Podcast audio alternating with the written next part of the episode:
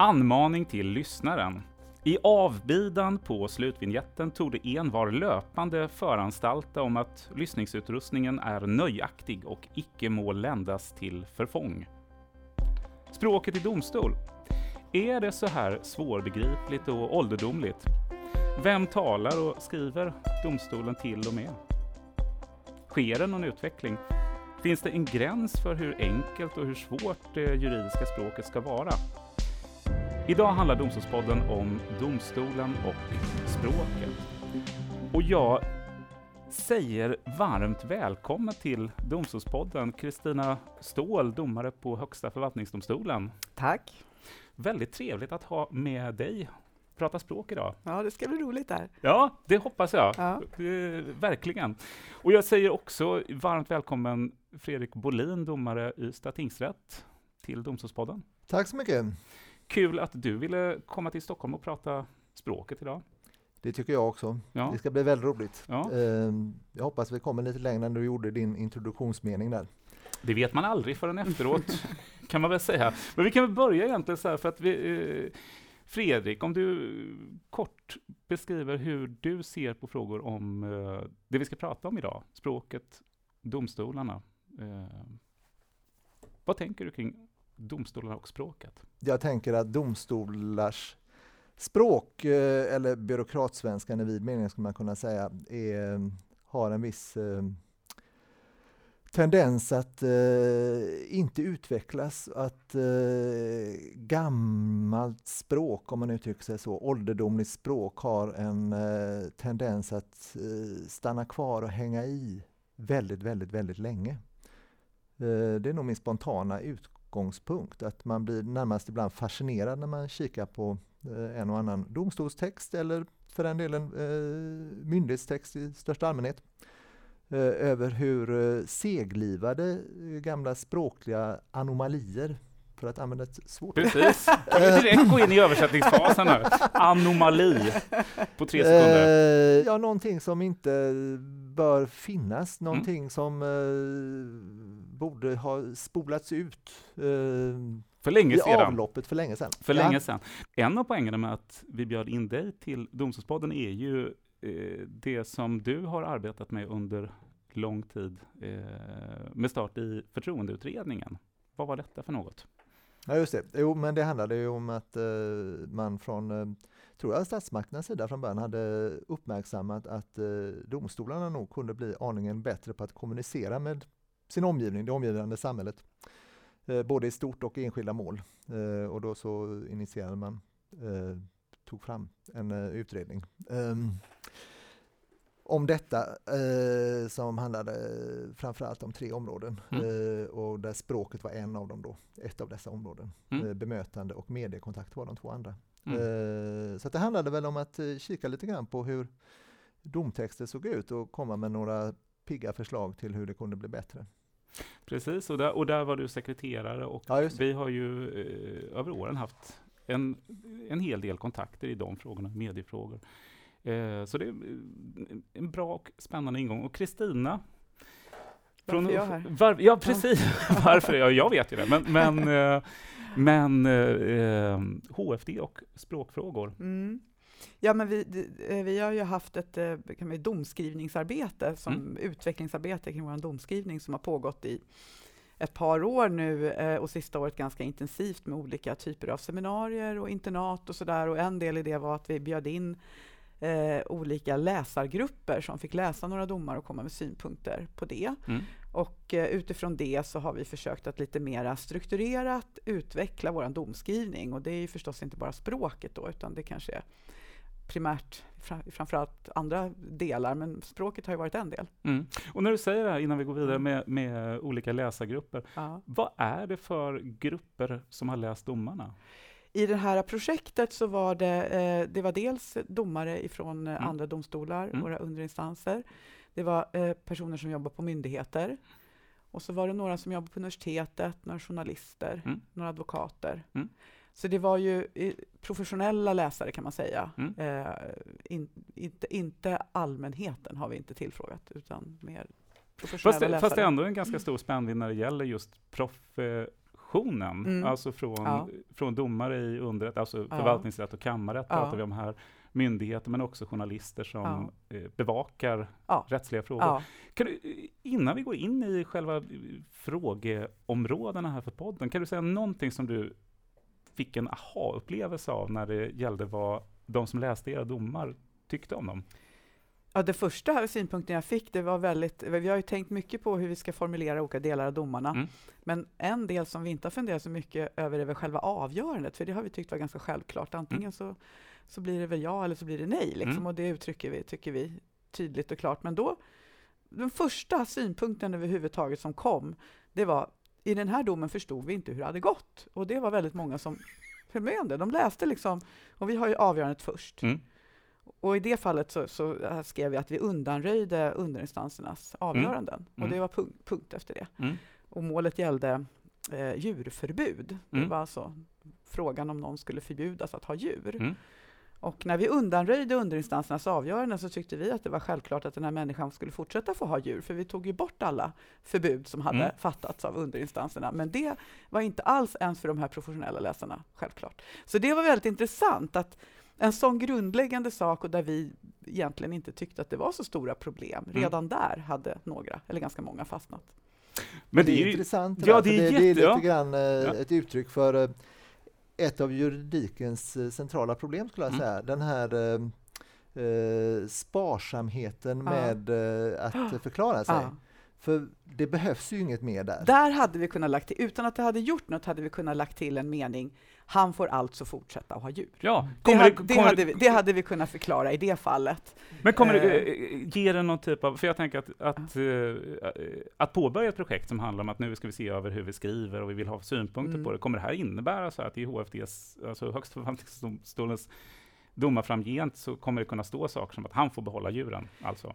Ja, i ett sånt där fall, Mm. där var väl när vi utvärderade eniga om att det borde vi kunna skrivit, men sen Mm. började vi fundera över alla möjliga andra sätt att uttrycka ett domslut och skulle vi kunna förenkla det? Och då börjar ju genast folk bli oroliga för vad det innebär. Mm. Om vi nu ska börja förklara i, domstolen, i, i domsluten, innebär det då att vi, att vi liksom börjar säga mer så att vi krånglar till det? Mm. Att det är liksom, kan vi ta ansvar för en sån här förklarande text? Mm. Och då blir vi genast oroliga Mm. och tänker att det vet vi inte om vi kan.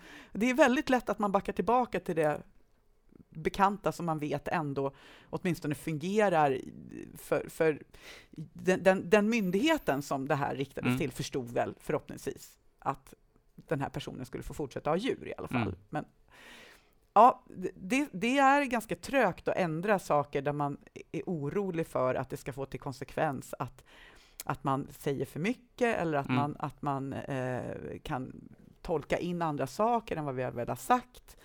Och därför vill man gärna använda vissa ord och vissa uttryck som man vet att den här lilla klicken läsare i alla fall är eniga om. Mm. Att man vet Det, vad det det betyder. är ju faktiskt lite grann en sån här um, um, anledning, tror jag, en väldigt stor anledning till att det fortfarande är så besvärligt med, med domstolsspråk. Att eh, ett rättesnöre för hela verksamheten är ju att om man eh, gör så som man gjorde igår eller i förrgår, idag också, så blir det i alla fall inte fel. Ja. Mm. Eh, och det motverkar ju per definition utveckling Mm. och förändring. Så att då håller man hellre fast om man inte är helt, helt, Mm. helt bergsäker på att det verkligen betyder samma sak, inte kan missförstås, inte innefattar något mer eller Mm. än det Mm. man verkligen vill ha sagt. Mm. Ehm, mm. Ja, och det är spännande och vi är ju inne i de frågorna som jag tänker att vi börjar med, det som handlar om domstolarnas skrivna språk, framför allt domar och beslut. Och för att ta avstamp i det som Kristina, som du nämner här, så om man vänder på det, eh, när ni meddelar, när ni har skrivit en dom, eh, hur ska man se på den? Vem är domen till för? Fredrik? Eh, det beror på eh, vad du menar, eh, Mm. vem eh, den borde vara till för eller vem den är till för. Ja, vi kan, du, får gärna komma in på både och här. Om vi börjar med vem, vem den borde vara till för, tycker jag låter trevligt. Ja, Ja. Den borde naturligtvis, i alla fall när man som jag jobbar i underrätt, vara till Mm. för de närmast sörjande, det vill säga parterna i målet. Mm. Eh, Och vilka kan det vara nu här? Eh, Det kan vara enskilda brottsoffer, enskilda tilltalade, det kan vara eh, du och jag, eller på att säga, i en tvist. Mm. Vem som helst kan det vara. Mm. Det kan vara något litet företag, det kan vara någon myndighet, det kan vara Eh, och då gäller det liksom att på något vis eh, försöka så långt man kan i alla fall, tycker Mm. jag, att eh, skriva på ett sätt som jag som skribent i alla fall tror eh, att den som är delaktig i just det enskilda målet faktiskt begriper så långt som möjligt. Det Och måste hur- vara en ambition i vart fall. Och hur gör du då? För jag tänker, du är ju domare, du har en lång juristutbildning i ryggen, du har jobbat i domstol länge. Att ta den andres perspektiv som det handlar om där i så fall. Är det lätt eller är det svårt att skriva på ett sätt så att du tänker att det här kommer, det här kommer både den som har blivit fälld för misshandel och den som har utsatts för den, de kommer kunna läsa domen och förstå den. Jag kan väl säga som så att eh, för egen del så jag, har ju, jag kan ju ingenting själv om språk egentligen från det här perspektivet. Jag har fått lära mig det i vuxen ålder, höll jag på att säga, eh, långt efter att jag blev domare. Eh, och det av språkvetare och eh, språkkonsulter framför allt. Mm. Eh, det är den vägen jag har lärt mig hur man skriver klarspråk helt enkelt, det vill säga vårdad enkel och begriplig svenska. Och då handlar det väldigt mycket om struktur. Mm. Eh, att eh, vända på gammalt klassiskt sätt att skriva domtext på, att skriva det viktigaste först. Eh, det var inte jättemånga år sedan som man till exempel hade domslut sist i domar. Ett, eh, förvaltningsrätten eller dåvarande länsrätterna ändrade väl de sista i alla fall på det någon gång 2008, 2009 eller något sånt där. Mm. Eh, Vi var ännu senare på att ändra på det. ah, Mm. när ändrade ni? Ja, det, i alla fall efter det. Det är inte många år sedan. Alltså, Nej, och i, och i många sedan andra kanske. rättskulturer så Mm. är det ju fortfarande så att man har domslut precis. Jag tror Mm. man till exempel har det i Danmark fortfarande. Mm. Eh, och det är ju naturligt eh, som skribent att skriva så. Man skriver ju ungefär som Mm. man lägger upp en deckare. Man kan Mm. inte lägga, liksom avslöja mördaren för man har skrivit om varför. Nej. det är bara nej. det att det är lite mindre spännande med domtext än med deckare. Så att därför Mm. så orkar inte läsaren riktigt ofta, eller ibland, Mm. Med hela vägen fram till slutet. Om man inte har skrivit om det Man innan. vill veta hur det har Eh, gått, för ja. det är det man har Så det är ju en sån där. Ja. grundbult, att skriva det viktigaste först. Ja. Och sen, efter man har skrivit, Mm. gärna liksom eh, skriva en slutsats Mm. som första mening i ett stycke. Mm. Och sen efter det utveckla skälen till varför man kommer fram till den där slutsatsen. Och vad hoppas du när, du när du skriver på det sättet? Eh, att den som läser domen, oavsett vem hen är, eh, vad hoppas du att de ska förstå när de har läst domen? Jag hoppas att de ska förstå resonemanget, att de ska orka läsa igenom texten. Mm. Eh, att den är liksom tillräckligt eh, aptitligt eh, presenterad för att eh, man ska orka läsa igenom. Mm. Och faktiskt eh, tillgodogöra sig lite grann resonemangen som ligger bakom. Mm. Och jag vill kolla för Kristina, eh, för Fredrik då på tingsrätten och mm, när vi pratar om exempelvis brottmål och tvistemål och en tydlig mottagare, eller flera tydliga mottagare kanske, men här är ju, här är ju ett exempel just med parterna i målet. När du skriver dom i HFD, har du tydliga mottagare av domen på näthinnan när du, när du skriver dem? Jo, men det tycker jag. Ja. Men, men det är ju eh, ganska eh, stor utsträckning andra mottagare som jag tänker på Mm. än, än de som Fredrik har. Eh, Mm. Och det är ju eh, parterna i målet är egentligen inte i särskilt stor utsträckning de som jag skriver för, Nej. utan det är ju för ska jag säga, rättssamhället eller samhället i stort. Eh, Vår, Mm. vår uppgift är ju att ge vägledning för framtiden Mm. i, i liknande fall. Och vi använder de här målen som vi tar upp eh, för att ge den här vägledningen. Och då är det inte parterna som vi egentligen har störst omsorg om, utan det är ju att få ut vårt budskap, att, eh, att eh, ja, slå fast någon rättsgrundsats eller någon, Mm. någonting sånt där.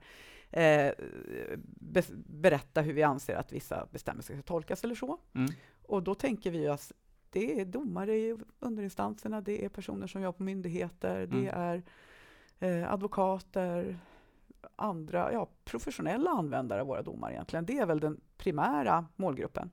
Men sen är det förstås så att väldigt mycket av det vi håller på med berör ju en väldigt bred allmänhet. Vi Mm. håller ju på med rättsområden. Eh, på det sättet så är förvaltningsdomstol mycket mer relevant för gemene man. Mm. Jag menar, de flesta kommer ju aldrig hamna i en brottmålsprocess, men alla kommer ju i stort sett att betala skatt och Mm. uppbära föräldrapenning och ja, Mm. sådana saker som vi håller på med. Så att det, det måste ju vara en ambition att allmänheten ska kunna veta vad vi håller på med. Men för min del är jag ju inte helt säker på att det men där kanske jag är då lite, inte, eh, lite bakåtsträvande. Att jag tror att det är svårt att skriva våra domar så att vem som helst ska förstå dem. Utan en rimlig ambition tycker jag är att, att skriva så att till exempel en journalist kan förstå och sen mm. förmedla innehållet eh, till en bredare allmänhet.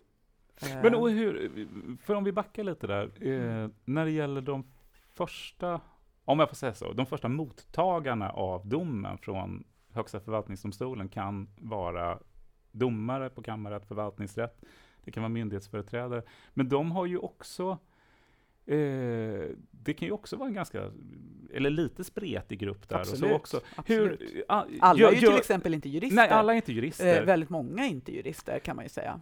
Och jag tänker att ditt syfte, eller domstolens syfte mm. med att skriva domen är, antar jag, att få någon typ av effekt. Absolut. Mm. Som är?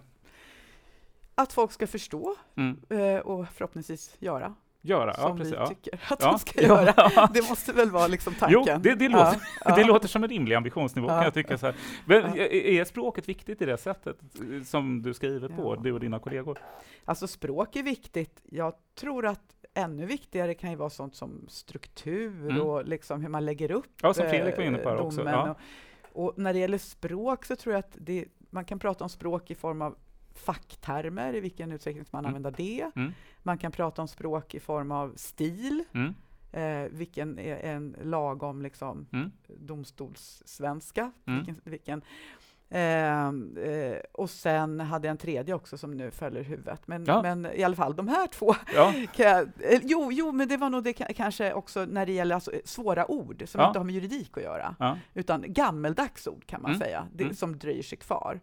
Är det sådana eh, man kan hitta i den här svarta listan? Eh, ja, där, den, den, är väl en blandning av, av mera fackuttryck mm. som man vill att man ska använda enklare mm. ord för, men sen är det väl bara ren gammaldagsa ord sådär.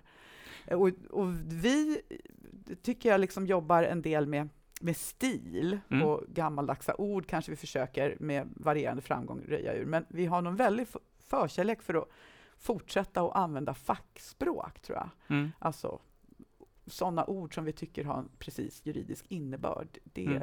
det har vi svårare att överge. Mm. Mm. Och jag skulle... Får jag vi, fråga, ja. finns mm. det så himla många sådana egentligen?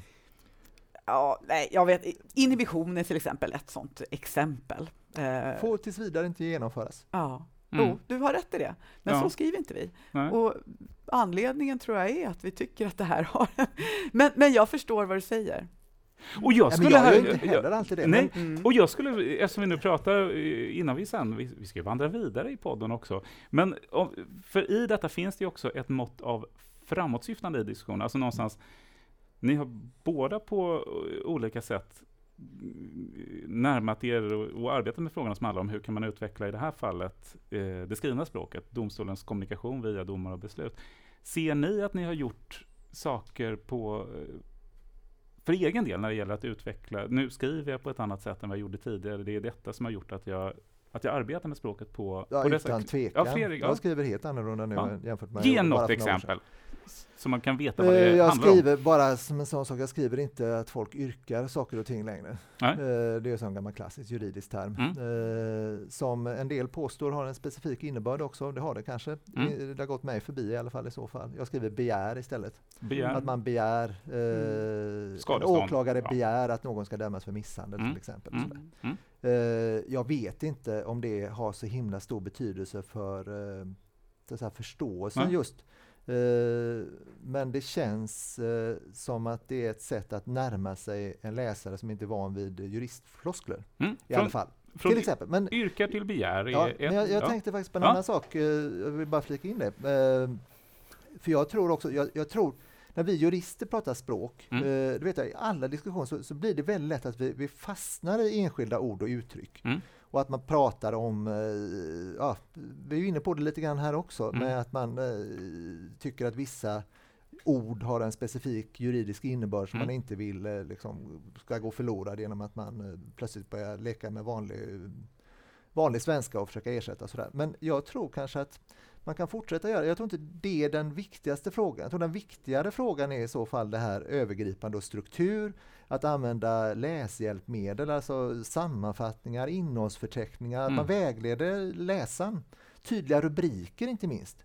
Det är också någonting som historiskt har varit eh, helt borta i mm. dom, domar. Mm. Att man, mm. man vet ju inte vad som finns under rubrikerna. Det är svårt för läsaren att liksom veta vad som göms under en rubrik som heter domskäl till exempel, när man skriver allt möjligt trams där under. Eh, mm. vittnesutsagor och innehållet i skriftlig bevisning och sen mm. kommer lite domstolen själv som pratar plötsligt utan mm. att man riktigt talar om för läsaren eh, när man gör övergången från det ena till det andra. Mm. Så där tror jag är mycket mer att vinna och då gör det inte så mycket om man har kvar några enskilda ja. svåra ord. Eh, jag håller verkligen med ja. om det, för det, ja. det, det, kan jag säga att det som jag tycker att vi har kommit längst med mm. vad det gäller domskrivningsutveckling mm. hos oss, det är kanske inte att rensa bort gammaldags svenska, utan det är just att försöka ge en bakgrund, till exempel en bakgrundsbeskrivning till den rättsliga problematiken, att försöka skriva mer strukturerat, mm. Tajta till det lite, inte ha jättelånga utläggningar om sånt som man inte behöver ha långa utläggningar om. Och ett exempel på det är att vi alltid i stort sett inleder våra domar nu med en bakgrund där vi börjar med att berätta på vanlig svenska, gör jag nu så situationstecken ja, i ja. luften. Nu, eh, borde vi ha filmat det också, ja. vi kan ha med det i trailern. Eh, om, om, om eh, den rättsliga reglering som det här handlar om. Och jag måste bara berätta, då var det en, en person som jobbar på domstolen, som är kollega till mig, som eh, läste en sån bakgrundsbeskrivning en annan dom på ett rättsområde som han behärskar väldigt väl. Mm. Och då sa han så här, men vad är det här för Nalle språk Och han trodde väl att det där skulle leda till att folk skulle liksom... Eh, men nu går de här, benäm- ja. de här eh, bakgrundsbeskrivningarna hos oss under benämningen Nalle inledningen Och har mm. man lyckats riktigt bra, då har man skrivit en riktigt bra Nalle inledning och då är vi liksom nöjda. När man har försökt skriva någonting på vanlig svenska och förklara någon rättslig problematik som en ingång till hela domen. Och så, sånt, där tycker jag vi har liksom nått framgång. Eh, kanske mer än att rensa bort såna här ålderdomliga ord alltid. Ja, det är Spännande! Ja. Får jag eh, ja. flika in en liten ja. grej där? Ja, jag, innan vill jag bara säga så att till lyssnarna, eh, så att vi inte framstår som helt partiska, det finns ju även andra barnboksgestalter än Nalle Puh. Men ja. så, så Ystad tingsrätt kan väl med fördel kanske ta Pelle Svanslös språk? Ja. Eh, nej, men det var lite roligt faktiskt, det du sa nu Kristina, för att eh, när, jag har varit runt och pratat med, med både domare och mm. eh, andra myndighetsskribenter om språk. Så en av de vanligaste invändningarna mot att, så att säga, förenkla språket, om man uttrycker sig så, eller skriva mm. begripligt som jag mm. väljer att säga, mm. det är att jag vägrar skriva bebisspråk, det är mm. ovärdigt. Mm. Uh, mm. Det är en väldigt så uh, tydlig invändning som kommer, ungefär som att man tror att man plötsligt ska bli tvungen att skriva barnbok Ja, men det där med bebis... Totte äter frukost. Ja. Alltså, det är inte liksom det. det är, men, men, men vi, vi har ju bara, jag måste ja. ett ja. exempel ja. till. Eh, det var heter det, eh, hur, hur, man, när, när, man pratar om stil och bebisspråk. Ja. vad vi har gjort hos oss och försöka hitta liksom enklare ord för vissa saker. Det handlar inte om att man inte förstår det svårare ordet, utan mm. bara för att texten ska bli ledigare. Och ett exempel på det är ju att vi numera, tror jag, oftare skriver mamma mm. än mor i mm. domarna. Och mm. det är ju inte för att inte vi tror att människor förstår vad mor betyder. I sammanhanget är det ganska självklart vad det mm. betyder, men det blir ledigare att skriva mamma. Mm. Och lite sådana saker har vi ändå försökt göra för att mm. liksom, lätta upp det hela. Ja, men det här, och jag, jag, Får jag där komma in på en annan Ja, det, nu, blir det, nu blir det sista inspel här. Sen måste vi... Ja, men kör! kör. Nej, men det var lite grann bara som en förklaring, som jag tror. Eh, jag var tvungen att ta med mig lite citat här nämligen. Ja! Eh, som en väldigt viktig förklaring till det vi pratar om nu. Mm. Vad är det som gör att vi jurister är så himla rädda för att plötsligt framstå som att vi skriver barnböcker? Mm. Där det, inte, det är ingen risk. Nej. Det är absolut ingen risk att en enda dom kommer uppfattas som någonting som skulle Och kanske inte, kan, kanske inte heller sammanhanget. Jag tänker att man, man kanske inte tänker att nu är jag med i en barnbok. Men ändå är det så, är så alltså den, den här rädslan mm. eller vad man ska säga, eller den, den känslan kommer upp. Och där tror jag det finns en förklaring i mm. hur man blir jurist. Mm. Uh, och där finns det väldigt uh, intressant, tycker jag själv. Det är en språkvetare som för några år sedan skrev en, sin avhandling om uh, juridiskan som språklig genre. Mm. Genom att kika lite grann på juriststudenter på en juridisk fakultet, jag nämner inte vilken då, i landet. lärde sig skriva helt enkelt och vad man fick för signaler från eh, fakultetsledningen och Mm. sådär. Och då har hon bland annat haft en liten mejlkonversation med en eh, lektor där på den här juridiska fakulteten om språk. Mm. Och då så skriver han så här till henne. Hmm, jag tror för att nämna en annan aspekt att man mycket väl kan likna en given juristkultur vid kyrkan. Så som man föreställer sig att den fungerade i äldre tid. Vi har vår dogmatik, vår exegetik och våra heliga skrifter och det gäller att ge uttryck för den rätta läran om man vill vinna gehör och inte bli stämplad som kättare. Jurister är känsliga för dissonanser i språket. Det händer absolut att de oförsiktiga jurister definierar ut sig själva ur gemenskapen genom att lägga sig till med ett avvikande språkbruk. Det finns många historiska exempel på detta. Och om man är 22 år gammal och Mm. ganska nyligen börjat läsa juridik och har det här som någon slags språklig förebild Mm. så kan man ju förstå att man gärna lägger sig till med ett Mm. språk som är ganska så komplicerat för att just få tillhöra den juridiska gemenskapen. Mm. Ja, och man får vara lite vanvördig kan jag väl säga att det kanske inte bara är juristkretsar detta. Jag kan tänka som när man stod och spelade i replokaler och andra, alltså oavsett vilka sammanhang Mm. man har befunnit sig i så finns det ju en, eh, en språkkultur, en Mm. språkdräkt som gör att man Mm. blir en del av en gemenskap. Och jag tänker att de här frågorna kommer vi tillbaka till mot, eh, mot slutet också när det gäller eh, de bakomliggande mm, dimensionerna i det här. Jag tänker att här, här öppnar vi för frågor kring eh, rättssäkerhet och demokrati också i, i, i stora delar. Men vi ska faktiskt göra en eh, övergång till någonting som ni båda lite har varit inne på att ja, men det här är ju inte det mest centrala, det här med de svåra eller ålderdomliga begreppen. Men för att lätta upp Domstolspodden så ska vi för första gången i Domstolspoddens historia köra en liten tävling. Vi ska nämligen ha Domstolspoddens språkquiz. Och det är Där vi som är de tävlande? det är ni alltså. som är de tävlande. Okej, mhm. Och jag tar fram här eh, ett, eh, ett gäng lappar.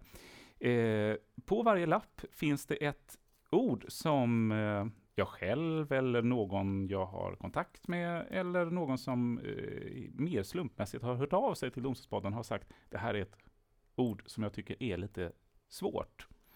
Eh, jag lägger lapparna mitt på bordet och Och då ska vi ta Ja, några lappar här. pop, pop, pop. Här är det nu, för en gångs skull så är regelverket inte någonting man kan slå upp i eh, NJA, utan det är Då blir jag. vi lite nervösa med en gång. Då blir ni genast lite nervösa, det känns skönt, det blir lite nerv i programmet här. Eh, det är nämligen så här, att eh, vi börjar med att Kristina får dra en lapp, En lapp. en Mm. lapp, och när du har dragit den så tittar du på den, Ja. och sen så ska du på eh, kort tid eh, för Fredrik förklara ordet på enkel svenska utan att överhuvudtaget nämna Ordet. det ordet eller Mm. någon del av ordet.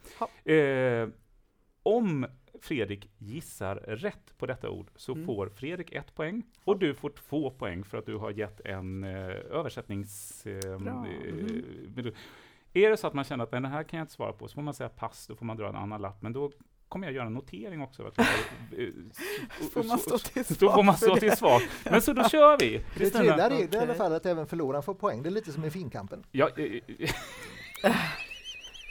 så fick vi det sagt också. Det är skönt. Vi, har, ja, Mm. vi börjar. Okej. Ehm, ja, eh, eh, man eh, tar bort det som den andra domstolen har bestämt. Undanröjer. Undanröja. Ja, vad är det som undanröjs då? En dom. Du Ja, undanröjer en dom. exakt. Bra, och då har vi två poäng till Kristina och vi har ett poäng till Fredrik. Eh, och då är det Fredriks tur. Okej. Då tar vi en lapp här. Ehm. Ja, en lite formalistiskt sätt att eh, vara säker på att folk har fått uh, Delgivning. Ja, Delgivning, den tog Kristina eh, omedelbums. Ja, men Ska man- Fredrik berättade ju Ja, vad det Fredrik var. berättade vad det var. Och, och, de här två orden som nu hittills har varit uppe, är det något av dem som ni tänker så här, ah, men det här skulle vi kunna, vi Ja, skulle men, kunna ah, vi använda skulle- vi skulle- synonymerna Men när vi har istället? pratat om det här äh, fackspråk, delgivning skriver ju vi då. Det Ja. är väl ett Mm. sånt ord som vi absolut använder. Som ni använder? Ja. ja. Utan tvekan. Ja. Och även undanröjs, absolut. Ja, ja, så de får vara Mm. kvar. De tycker, ja, ja, Ja, de får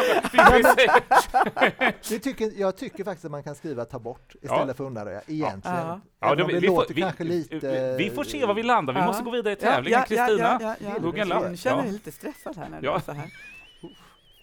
det var inte meningen att stressa. Oj, det här, nu ska vi se här. Eh, ehm, det här är pinsamt, för det här måste jag veta. Det här betyder väl risk för... Jag tror att det är återfall. Recidivfara. Uff, det här var blev Det det... var ju taskigt att ge dig en sån fråga Ja. som jag... Ja, men jag tänker... Vad är det här Jesper? ja, men, ja, men vi måste väl få ha lite... Det, dessutom är lapparna helt slumpmässiga. Du kanske åker på en Ska jag få förvaltningsrättslig en lapp sån här nu? Ja. skatterättslig? Då Ja, går ja. jag ut ur rummet kan jag säga. Men recidivfara, risk för återfall. Ja. Ja, bra. Ehm, eh, Då har vi risk för att eh, påverka eh, bevisning och... Kollisionsfara. Nej, jag- är djupt impad av mig själv. Ja, här, och här fick ju då... Eh, ja, precis. Det var ju två stycken allmän, eh, allmändomstolsord. Ja, det får man säga. Kollu- kollisionsfara. Jag kan väl roa mig med att vara så dum så att säga att första gången jag läste det så tror jag faktiskt det var en trafikterm, att det var kollisionsfara, men det är kollisionsfara. Ja. Men det, ni var helt... Är det en sån sak som, är det här, lite allvarligt, är det självförklarande? Nej. Nej. Det, det går inte att begripa, Nej. det ordet. Skriver Det- du det i nej, dina domar? aldrig någonsin. Nej, du översätter det? Ja. Ja. Risk för att påverka utredningen. Yes. Man kan skriva av lagtexten, nu kommer jag inte ihåg eh, vad det står ordagrant, men det står Men det ju står någonting väl sånt inte, här. det står står väl inte inte, de här kollisionsfara. orden står inte i lagen? Nej. Nej, så de här är ju Nej. enkla på det viset. Mm. De svåra är ju de där eh, de står i lagen och så ska Mm. man inte använda, här är det bara att använda lagens eh, terminologi istället. Mm. Som är faktiskt för en gångs skull begripligare än det översatta ordet. Mm. Ja. Bra. Kristina, Yes. en lapp till. Mhm. Eh, Ja, när man eh, blir av med någonting, domstolen bestämmer att man inte får behålla den här grejen därför att eh, det till exempel är stöldgods eller sådär. Uh, Eh, förverka kanske? Ja, Förverka. Här har vi två poäng till till Kristina, ett till Fredrik och Fredrik får blixtsnabbt hugga en lapp till. Och sen tror jag att vi, sen är det nog bara en lapp kvar var. Är det bara en lapp Ja, kvar? det är upploppet här. Jaha, när man eh, tar hand, när domstolen eh, tar hand om lite saker i förväg Eh, eh, beslag, fram till dess att man slutligt jaha, avgör alltså, saken. jaha, alltså interimistiskt Eh, förordnande eller något ja, sånt. eh, Eh, Det kan vara egendom ofta som man, eh, Som man, eh, var, var säker på att den här som sen eh, man vill vara säker på att det ska finnas möjlighet att betala Ja, i slutändan förstår, så att man precis. eh, redan i Ja. ett initialt skede så lägger man Ja. lite rabarber på grejerna ja, för att ja, eh, nu Han stå- försöker Fredrik med initialt Det- också det för att verkligen få in, få in så här. Ja, Nej, jag kommer inte på det. Får jag gissa? Ja. Ja, du får gissa Jesper. Ja. Ja, och, jag tror att det är kvarstad. det är kvarstad. Ja! Ja, det hade jag aldrig kommit på. Nej! Sånt Jösses, ägnar men då inte vi blir, oss det, då blir det noll poäng till båda av er. Jag- Programledaren säger jag får lite Men då vann jag på grund Nej, av det. nej, nej, nej, nej. Jo, det gjorde jag ju! För han tapp, tappade ju två poäng och jag tappade bara en. Jag är ju ett geni på det här. Och nu ska vi se, nu måste, ja, jag blir så fnissig här nu så att jag måste se om vi har, jag, jag tror vi är framme vid mål där. Ja, Det, det blir måste bra. vara mer frågor kvar. Du- Nej, nej, nej, nej. Det Jag- ligger ju massor med lappar här. Nej, nej, men fast det är till, det, vi ska spela in många poddar. Vi, jag kände direkt att det här är ett vinnande koncept. Vi ska fortsätta med, med de här. Men då blir det faktiskt så att Kristina, du fick åtta poäng och Fredrik fick sju poäng. Ja. Så då är det Kristina som får eh, domstolspodd, en Domstolspodden-penna till. Oh, Den här då med eh, bläck som jag hoppas är arkivbeständet. Så att, kommer du underteckna några domar Absolut. med den? Bra. Vi, eh, Grattis! Tack! Ja, Jag tycker det var ganska välförtjänt, särskilt som det var bara ord på den allmänna sidan dessutom. ja, fast det, fan, är det, ju det finns segern ännu större. får jag säga, i den här lilla bunten, några från förvaltningssidan. Men det är faktiskt så att det har varit lättare att få tag på ord som... Sen hade jag Vi är att obegripligare på allmänna sidan helt enkelt. Är det så? Eh, nej, det skulle, jag inte, det skulle jag inte vilja säga. Men eh, ni var jätteduktiga båda två. Tack. Eh, snyggt, Tack. säger jag. Eh, vi har pratat om den skriftliga kommunikationen från domstolen. När det gäller det muntliga språket, eh, Fredrik, tingsrätten är ju eh, förhandlingstung på så sätt. Det är många möten med parter i huvudförhandlingar. Vad tänker du kring att tala med de som tala med och till de som sitter i rättssalen? Eh, ja, vad tänker jag kring det? Eh, två saker kanske. Att, eh, för det första så finns det ju ännu mindre anledning att överhuvudtaget använda någon svår vokabulär som typ anomali och sådana mm. konstiga ord. ibland kommer de ju utan att man riktigt, det är ju problemet med att vara jurist, inte minst domstolsjurist, att en del av de här uttrycken de sitter så fastlimmade i någon slags järnbark på något mm. vis, att ibland poppar de upp ut ur munnen utan att man själv är så att säga, med på att de ska komma. Mm. Men då kan man ju åtminstone rätta sig i ett muntligt möte. Och sen så den andra saken som jag tänker på det är att det är mycket lättare Eh, vi pratade ju innan om det här med att skriva för en enskild part. Mm. Där är ju distansen ganska stor. Det är inte så att det är väldigt svårt liksom att på riktigt gå in och ha någon liksom omedelbar känsla för en annan person i, mm. i sitt skrivande på det sättet. Men i det talade mötet, där går det ju faktiskt att när jag pratar med någon annan person så, så märker jag ju om jag blir förstådd eller inte. Mm. Eh, och sen den eh, man säga, den, den, viktigaste aspekten av det här, det är ju mm. egentligen en rättssäkerhetsfråga. Det får du utveckla. Hur tänker du kring det? Att ju mer man som enskild begriper av det sammanhang man verkar i, alltså under en rättegång. Eh, mm. Eh, om vi tar typexemplet i allmän domstol, en, en brottmålsförhandling, mm. eh, en huvudförhandling i brottmål, så är det ju nästan alltid så att muntlig bevisning är den avgörande bevisningen. Det är mm. vittnen som har sett saker och det är brottsoffer som ska berätta om vad de har varit med om och sådär. Uh, och ju säkrare du är där och då och ju mer du fattar vad det är som pågår och vilket mm. sammanhang du verkar i, desto bättre berättelse lämnar du. Mm. Uh, och det kan ju slå på båda hållen, men det, det, det underlag som, som domstolen får i slutändan, mm. det blir bättre ju mer de enskilda som är involverade i rättegången förstår. Mm. Och där är ju språket inte minst viktigt. Så man inte sitter och funderar på och känner att alla talar över huvudet på mig, och, vilket bara förstärker känslor av utanförskap eller nervositet eller något annat. Mm.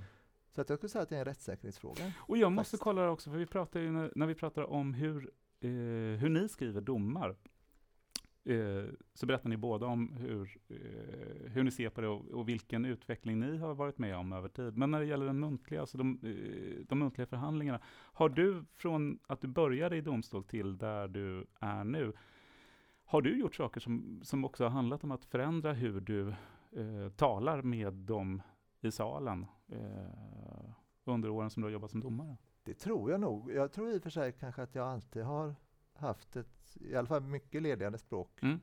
Eh, muntligt än skriftligt. Mm. Eh, men jag tror att jag har förändrat det ännu mer.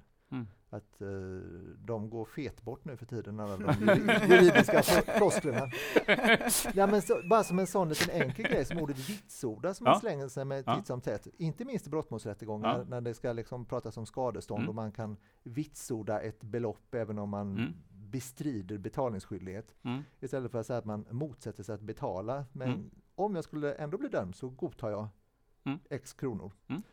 Då ingriper jag alltid när någon eh, säger något så dumt nu för tiden. Eh, för det har jag lärt mig. Återigen, det är ju ingenting som jag själv har egentligen fattat, men jag har lärt mig att det där fattar inte folk. Eh, och det är inte så konstigt. Det är ett jättesvårt ord. Mm. Och, och, när man då startar en rättegång med den typen av svår vokabulär så har man mm. redan liksom satt tonen för att nu är det vi jurister här i rummet som mm. Eh, deltar i något eget litet möte mm. som inte du får vara med på, säger man till Fast andra. du är här. Fast, Fast du, är, är i rummet och är en mm. huvudperson. För övrigt förstärks ja. det ännu mer av att man eh, det är bara juristerna som sitter och bläddrar i papper också. Mm. För att ytterligare förstärka bilden av att de andra deltar inte i det sammanhang som juristerna deltar i. Mm. Det juristerna som sitter och bläddrar i papper och, och håller på med någon slags finlirskommunikation sinsemellan. Mm. Medan övriga inblandade inte får vara med i den. Så att det, det är väl det som det språket framförallt har till syfte mm. i rättegångar. Mm. Bjuda in och göra delprocessen, ja, ja. att folk känner sig delaktiga i processen. Och läsa in här också att det blir rent kvalitativt sett en bättre process också delvis. När, Ja, ja. ja, ja. Det är ju det, Ja. det, är ju det som är det yttersta En, syftet ja, skulle jag en säga. ökad rättssäkerhet. För eh, domstolens del. Ja. Och jag tänker, eh, Kristina, för att när vi pratar inför podden, så eh, vi pratar om det här, både det skriftliga och det muntliga språket, och det konstaterar vi från början också, att just muntliga förhandlingar är ju inte, Det är väldigt ovanligt. det, det är inte vanligt alls ihop det. Men du nämnde ändå exempel på just den muntliga kommunikationen, för din egen del på Högsta Ja, det väl, förvaltningsdomstolen. eh, det är väl efter att vi har fattat beslut Ja. och någon ringer upp och frågar. Ja. Eh, och ofta handlar det ju om att eh, vi har fattat ett beslut om att inte ta upp ett visst mål. Mm. Och så ringer den som är berörd av det beslutet och frågar varför. Ja. Och då eh, kan man ju försöka förklara det på ett begripligare sätt Mm. än i själva beslutet som har skickats till den här personen. För där står det egentligen bara att eh, en avskrift av lagtexten och så säger vi att vi tycker inte att de här förutsättningarna för att ta upp målet är Mm. uppfyllda. Mm. Och det är ju oftast obegripligt Mm. för den enskilde. Och där kan, man ju, där kan jag ju egentligen tycka att i just det fallet så borde vi kunna utforma vårt skriftliga besked till parten mycket mer begripligt. Mm. Utan, för där, den enda som är intresserad av det beslutet är ju parten. ja, ja. Så just i det fallet kommunicerar vi ju bara med parten. Mm. Så där kan jag ju verkligen tycka att vi kunde jobba lite mer på även den skriftliga Och för eh, att sätta det i ett sammanhang, för jag tänker, för vi gjorde eh, en podd för ett antal avsnitt eh, tillbaka på Högsta domstolen som ju har eh, Ja, men där, där situationen är densamma. Man har Ja. väldigt många mål som överklagas till sig och ur dem så är det ett väldigt litet antal relativt sett som får prövningstillstånd. Ja. Jag antar att summorna kanske är ungefär de samma Ja. för, mellan HD och HFD. Men den här frågan just om varför man inte får prövningstillstånd. Eh, ser du att ni över tid eh, Kommer det kunna bli så att ni skriver mer begripligt i besluten om att Det inte tror jag få, faktiskt. Det tror? Ja, jag tror det. Spännande. ja, det tror jag. spännande. Ja. Men det kommer göra att telefonsamtalen kommer minska för din del? Kanske? Kanske, Ja. kanske. Är det tråkigt? Mm, ja, nu är det inte jättemånga Nej. som ringer, så Nej. att, så att eh, det... Nej, men det är, väl, det är väl jättebra om folk förstår. Sen, sen, sen är det inte alltid man, även om de förstår kanske de inte alltid håller med, och så Nej, har man ändå nej. behov av att få prata med den som har fattat beslutet ändå. Mm, mm. Så det är ju inte all- alltid på grund av missförstånd som man ringer, utan det är för att man har synpunkter också på beslutet. Men, men eh, Mm. Men det låter som detta med förståelsen, alltså, som ju går som ett stråk i diskussionen idag också. Alltså att, för det antar jag att det måste väl vara en väldigt vanlig situation eh, för er båda, att någon är missnöjd med ett beslut som domstolen har meddelat, men att det är en rätt stor skillnad på om man förstår varför mm, det blev så eller inte. mm. Det får Ja. man säga. Det får man Mm. säga. Eh, vi eh, är ju, har, har hunnit prata med eh, er om, eh, om frågor om, om eh, det skrivna språket, det talade språket, en liten ordkampsquiz. Eh, sen går vi ut i verkligheten i, eh, efter programmet och en framtid ligger framför oss. Och jag tänker den här fram- framtiden när det gäller språket i domstol, eh, som en liten avslutning. Eh, kommer domstolarnas språk, kommer era domstolars språk förändras framöver? Tror ni? Varför i så fall? Men det tror jag. Det Ja. sker ju en utveckling hela Ja. tiden. Sen Vad är det som jag- driver på utvecklingen? Jag då? tror att för vår del så tror jag inte att det är vi som kanske går i fronten i alla Nej, fall. För inte på att, HFD, eh, Nej, nej. jag tror inte det. Utan Nej. jag tror att vi ändå ser det lite grann som att vi följer med och Mm. försöker eh, modernisera oss i takt Mm. med att samhället och så i övrigt moderniseras vad gäller Mm. språkbruk så, så försöker vi anamma det. Men Mm. jag tror att det är inte vi som kommer gå i bräschen. Jag menar, vi skriver fortfarande yrkanden till exempel och Mm. inte begär. Mm. Nu får vi väl börja fundera på om vi ska följa ditt exempel och ändra oss där. Men vi kommer nog inte vara den här murbräckan, tror jag inte. Nej. Och innan vi spelade in programmet så Mm. pratade vi också om det här med användningen av ordet hen. Eh, Mm. för eh, Kristina, du sa HFD, ni använder inte hen. Inte i våra domar. Inte era Men domar. däremot i andra dokument Ja, så, andra- så eh, är det enskilda befattningshavare som använder det ordet. Eh, interna dokument av Ja. olika slag. Men, men inte i våra domar. Men tror du att det kommer komma in ett hen i domar från HFD framöver? Om du skulle spela på... Jag skulle säga att när, när eh, regeringskansliet bestämmer att man kan börja använda det ordet och, och dokumentera det i någon liten skrift, Mm. då kanske vi tar till oss det. Då följer ni efter. Ja. Och Fredrik, framtiden för eh, språket i domstol. Vad Eh, ser du, vad hoppas du på? Ja, jag hoppas kanske på att det ska gå aningen snabbare framåt än vad det gör, eller har gjort Mm. historiskt om man säger så. Eh, själv skriver jag för övrigt hen i mina domar Mm. Jag tycker Mm. det är väldigt praktiskt Mm. pronomen att använda sig av när man skriver allmänna texter Mm. i dom och inte könet på personen spelar någon roll. Mm. Eh, men eh, det som man kan fortfarande känna är att vi är ju väldigt, väldigt sega i domstol eh, överlag. Eh, och det, vi är ju, vi bedriver ju reaktiv verksamhet, höll jag på att säga. Vi reagerar ju på omvärlden och eh, fattar beslut på händelser som har skett. Så vi, vi är ju per definition en konservativ eh, institution, eller vad man ska kalla det.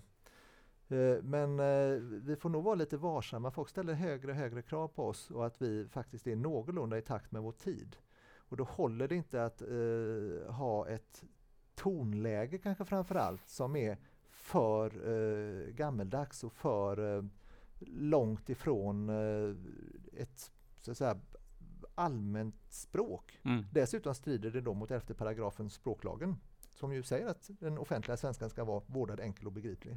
Mm. Eh, Vi, får, vi får lägga upp en länk. argument. länk till, ja, det, det, det brukar ju funka ja. på jurister, det här Ja, att man vill ja. följa lagen i alla fall. Eh, Men det, det finns Ja. ett jätteintressant tycker jag, exempel på Mm. det här med eh, eh, hur eh, vansinnigt lång tid det kan ta i domstol att eh, få eh, att förändra språket, att språket förändras. Mm. Eh, det finns en professor i svenska, Erik Venander hette han, som skrev en bok eh, där han gjorde upp lite grann med eh, byråkratsvenskan. Mm. Eh, 1950 kom den ut i sin första upplaga. Eh, vad är det nu? Det är 68 år sedan i år va? mm. Eh, och där skriver han bland annat, eh, han pratar om juristers älsklingsverb. Och så undrar han varför jurister så ofta anför, uttalar, uppger, påtalar, framställer och yrkar saker och ting. Mm. Istället för att använda de mer vardagsnära verben säga, mena, anse, ange, framföra, påstå och begära.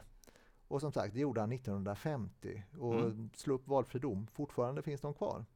Eh, Så att, så att vi måste på något sätt bli lite bättre på vad vi måste finnas med i tåget. Så att säga. Vi, kan inte, vi kan möjligen sis, sitta i sista vagnen men vi kan inte koppla av oss Ja. från själva tåget. Och om du skulle precisera risken med att då inte sitta på tåget överhuvudtaget?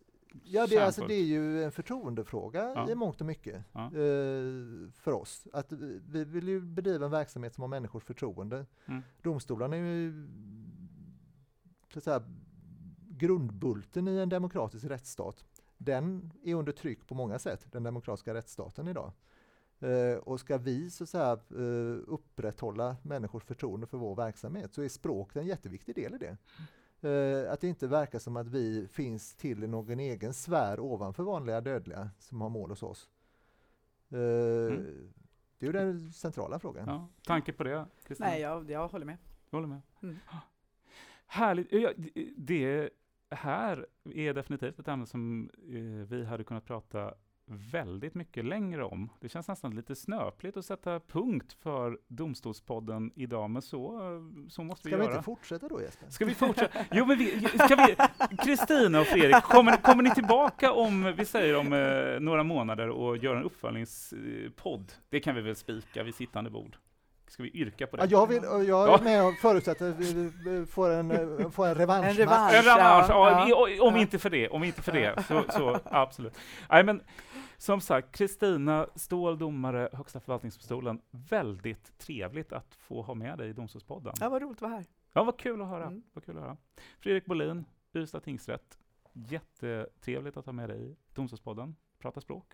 Det tyckte jag också. Ja. Tack så hemskt mycket. Ja. Och från Domstolspoddens sida så säger vi på återhörande.